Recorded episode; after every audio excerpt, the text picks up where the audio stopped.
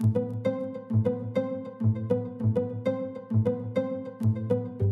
Jest 13 maja 1948 roku. Dawid Ben-Gurion, przyszły pierwszy premier Izraela, zastanawia się, czy jego kraj ma przyszłość. Przecież kiedy powstanie, od razu czeka go wojna.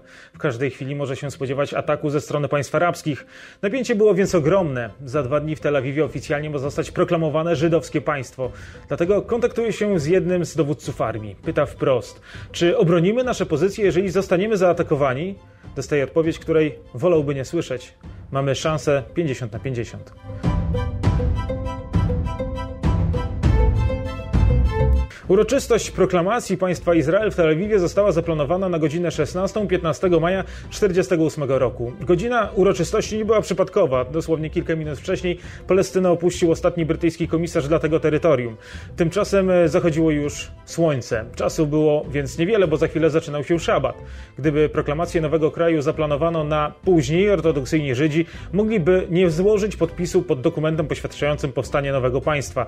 Cała ceremonia przygotowywana była w pośpiechu i nerwowej atmosferze.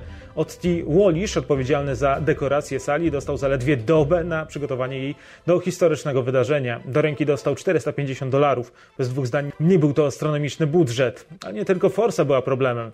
Kilkanaście godzin zajęły mu poszukiwania syjonistycznych flag w Tel Awiwie. Kiedy w końcu udało mu się je znaleźć, okazało się, że są tak brudne, że musiał oddać je do pralni. Brakowało też pergaminu, na którym można by było podpisać deklarację niepodległości. Ale to jeszcze nic. Głównie aktorzy tego wydarzenia na kilka godzin przed jego rozpoczęciem wciąż nie wiedzieli, jak będzie brzmiała nazwa państwa, które proklamują. W ciągu ostatniego roku, czyli od momentu, gdy ONZ zdecydował o przekazaniu Żydom fragmentu terenu Palestyny, ważni żydowscy politycy kontaktowali się z amerykańskim prezydentem, nie podając nazwy przyszłego państwa. Żydzi przez długi czas nie mogli się zdecydować, lawirując między takimi propozycjami jak Judea, Syjon, no i oczywiście Izrael. Ostateczną decyzję podjęła w głosowaniu Rada Narodowa w dniu proklamacji nowego państwa. Aby uniknąć sporów, zaplanowano też, że kraj nie będzie miał konstytucji. Powód? Ortodoksyjni Żydzi bez przerwy domagali się podkreślenia religijnego charakteru nowego kraju, a na to nie chcieli się zgodzić lewicujący politycy.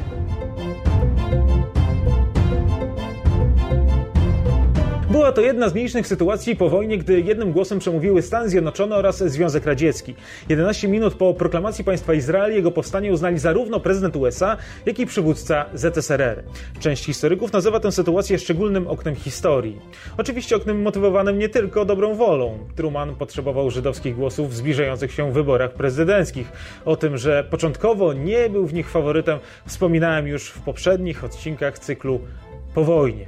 Z kolei Stalin powiedział tak dla państwa Izrael, ponieważ chciał w ten sposób zaszkodzić Wielkiej Brytanii, która nie była zachwycona takim rozwojem sytuacji. W końcu były to tereny, które wcześniej zajmowała. Dlatego też Brytyjczycy krzywym okiem spoglądali na Izrael, ale i Izraelczycy nie pozostawali im dłużni. Stale pamiętali o tym, że przed wojną Wielka Brytania zakazała Żydom wjazdów do Palestyny, co nie pozwoliło części z nich uciec przed Holokaustem. Warto dodać, że wcześniej mogli swobodnie tam przyjeżdżać i się osiedlać. Mimo wszystko po wojnie przyjechało ich tam całkiem sporo. Już w 1947 roku było ich tam ponad 650 tysięcy. Żydzi nie kryli antypatii do Anglików, dlatego też pierwsze oficjalne dokumenty państwa Izrael nie były spisywane w języku angielskim. Co do Związku Radzieckiego i jego wsparcia, to oczywiście nie bez znaczenia był fakt, że wielu twórców nowego państwa było zwolennikami socjalizmu, co w przyszłości dla Moskwy mogło skutkować korzystną sytuacją geopolityczną w tym rejonie świata. Zresztą broń, z którego korzystało wtedy żydowskie państwo, była sprowadzana właśnie z bloku wschodniego, a dokładniej z Czechosłowacji. Na reakcję świata arabskiego nie trzeba było długo czekać. Ben Gurion miał rację. Jeszcze tego samego dnia państwa arabskie zaatakowały izraelskie wojska. Tel Awiw zbombardowały egipskie samoloty. Zaczęła się wojna o być albo nie być dla żydowskiego młodego państwa. Atakował nie tylko Egipt, ale też Jemen, Syria, Transjordania, Liban i Irak. I pomimo tego, że można się było tego spodziewać, to strona izraelska nie była na to uderzenie gotowa. Arabowie w zasadzie na wszystkich frontach odnosili sukcesy. Do żydowskiej historii przeszła obrona Starego Miasta w Jerozolimie, tego jakże ważnego dla historii skrawka ziemi, który w tym czasie zamieszkiwało około tysiąca Żydów, heroicznie broniło 250 żołnierzy. Przeciwko nim stanęła ponad 4000 armia Legionu Arabskiego. Choć na pierwszy rzut oka może się wydawać, że Żydzi byli w tej sytuacji na straconej pozycji, to kiedy się przyjrzeć, niekoniecznie tak było. Arabowie mieli bowiem pecha, bo natrafili na opór osób, które wcześniej służyły w brytyjskich siłach specjalnych.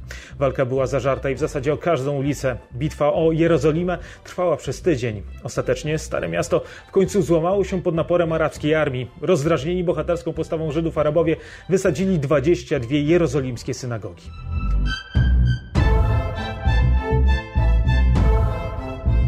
Ale ta wojna miała więcej bohaterów. Niesamowicie swojej nowej ojczyzny bronili Żydzi z kibucu Dagania. Nie mając ciężkiej broni, a mając w rękach jedynie butelki zapalające, zatrzymali kolumnę syryjskich czołgów jadących w kierunku Tel Awiwu. E, no, czyli do stolicy. O tym, jak ważne w żydowskiej świadomości było to wydarzenie, jest fakt, że jeden ze zniszczonych czołgów do dziś stoi tam jako symbol wielkiej odwagi jego mieszkańców tuż obok wjazdu do słynnego kibucu. Tu należy dodać, że bezsprzecznie nic tak nie wzmacnia narodu, jak wspólni bohaterowie i wydarzenia. Takich Izrael zyskał już na początku istnienia, właśnie dzięki konfliktowi, który wywołali Arabowie.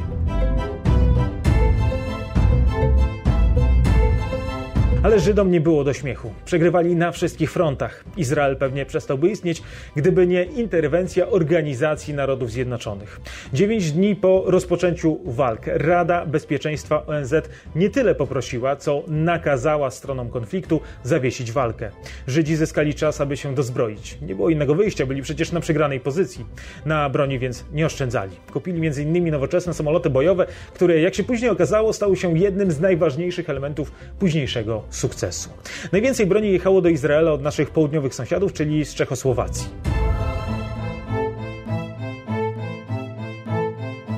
Drugi akt wojny o Izrael rozpoczął się jesienią 1948 roku. Tym razem wojsko żydowskiego państwa było dużo lepiej przygotowane.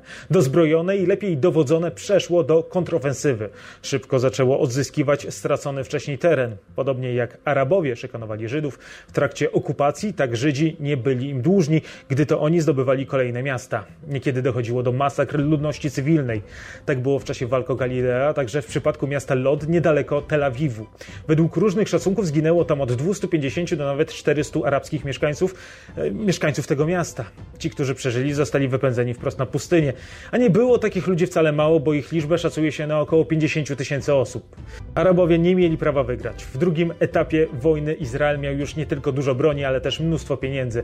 Fundusze płynęły zarówno ze Stanów Zjednoczonych, jak i ze Związku Radzieckiego. Na świecie wśród Żydów doszło do, można powiedzieć, pospolitego ruszenia, do obudzenia się żydowskiego nacjonalizmu. 200 tysięcy Żydów przyjechało do ogarniętego wojną państwa, aby pomóc mu w wygraniu wojny z Arabami. W 1949 roku było już w zasadzie jasne, że państwa arabskie przegrają ten konflikt. Jedynym pytaniem, jakie zadawał sobie wtedy świat, było, kiedy tak się stanie. Wojska arabskie sukcesywnie słabły, w dodatku były kiepsko dowodzone ze względu na to, że brakowało skutecznej współpracy między arabskimi armiami. Formalnie dowodził emir Transjordanii, w, rzeczywisto w rzeczywistości brakowało współdziałania między poszczególnymi wojskami. Wiosną 1949 roku Żydzi, wykorzystując ten chaos, zawarli z poszczególnymi krajami rozejmy. W dodatku na najlepszych możliwych warunkach. Izrael powiększył swoją powierzchnię o ponad jedną piątą. Łącznie zginęło ponad 6 tysięcy Żydów i dwa razy tyle po drugiej drugiej stronie tego krwawego konfliktu. Był to czas w historii świata, kiedy rodził się nie tylko żydowski, ale i arabski nacjonalizm. Kiedy wcześniej całą złość Arabowie inwestowali w niechęć do Francuzów, e, do Anglików, e, teraz swoje rozgoryczenie kierowali w kierunku żydowskiego państwa. Jakie były dalsze losy Izraela?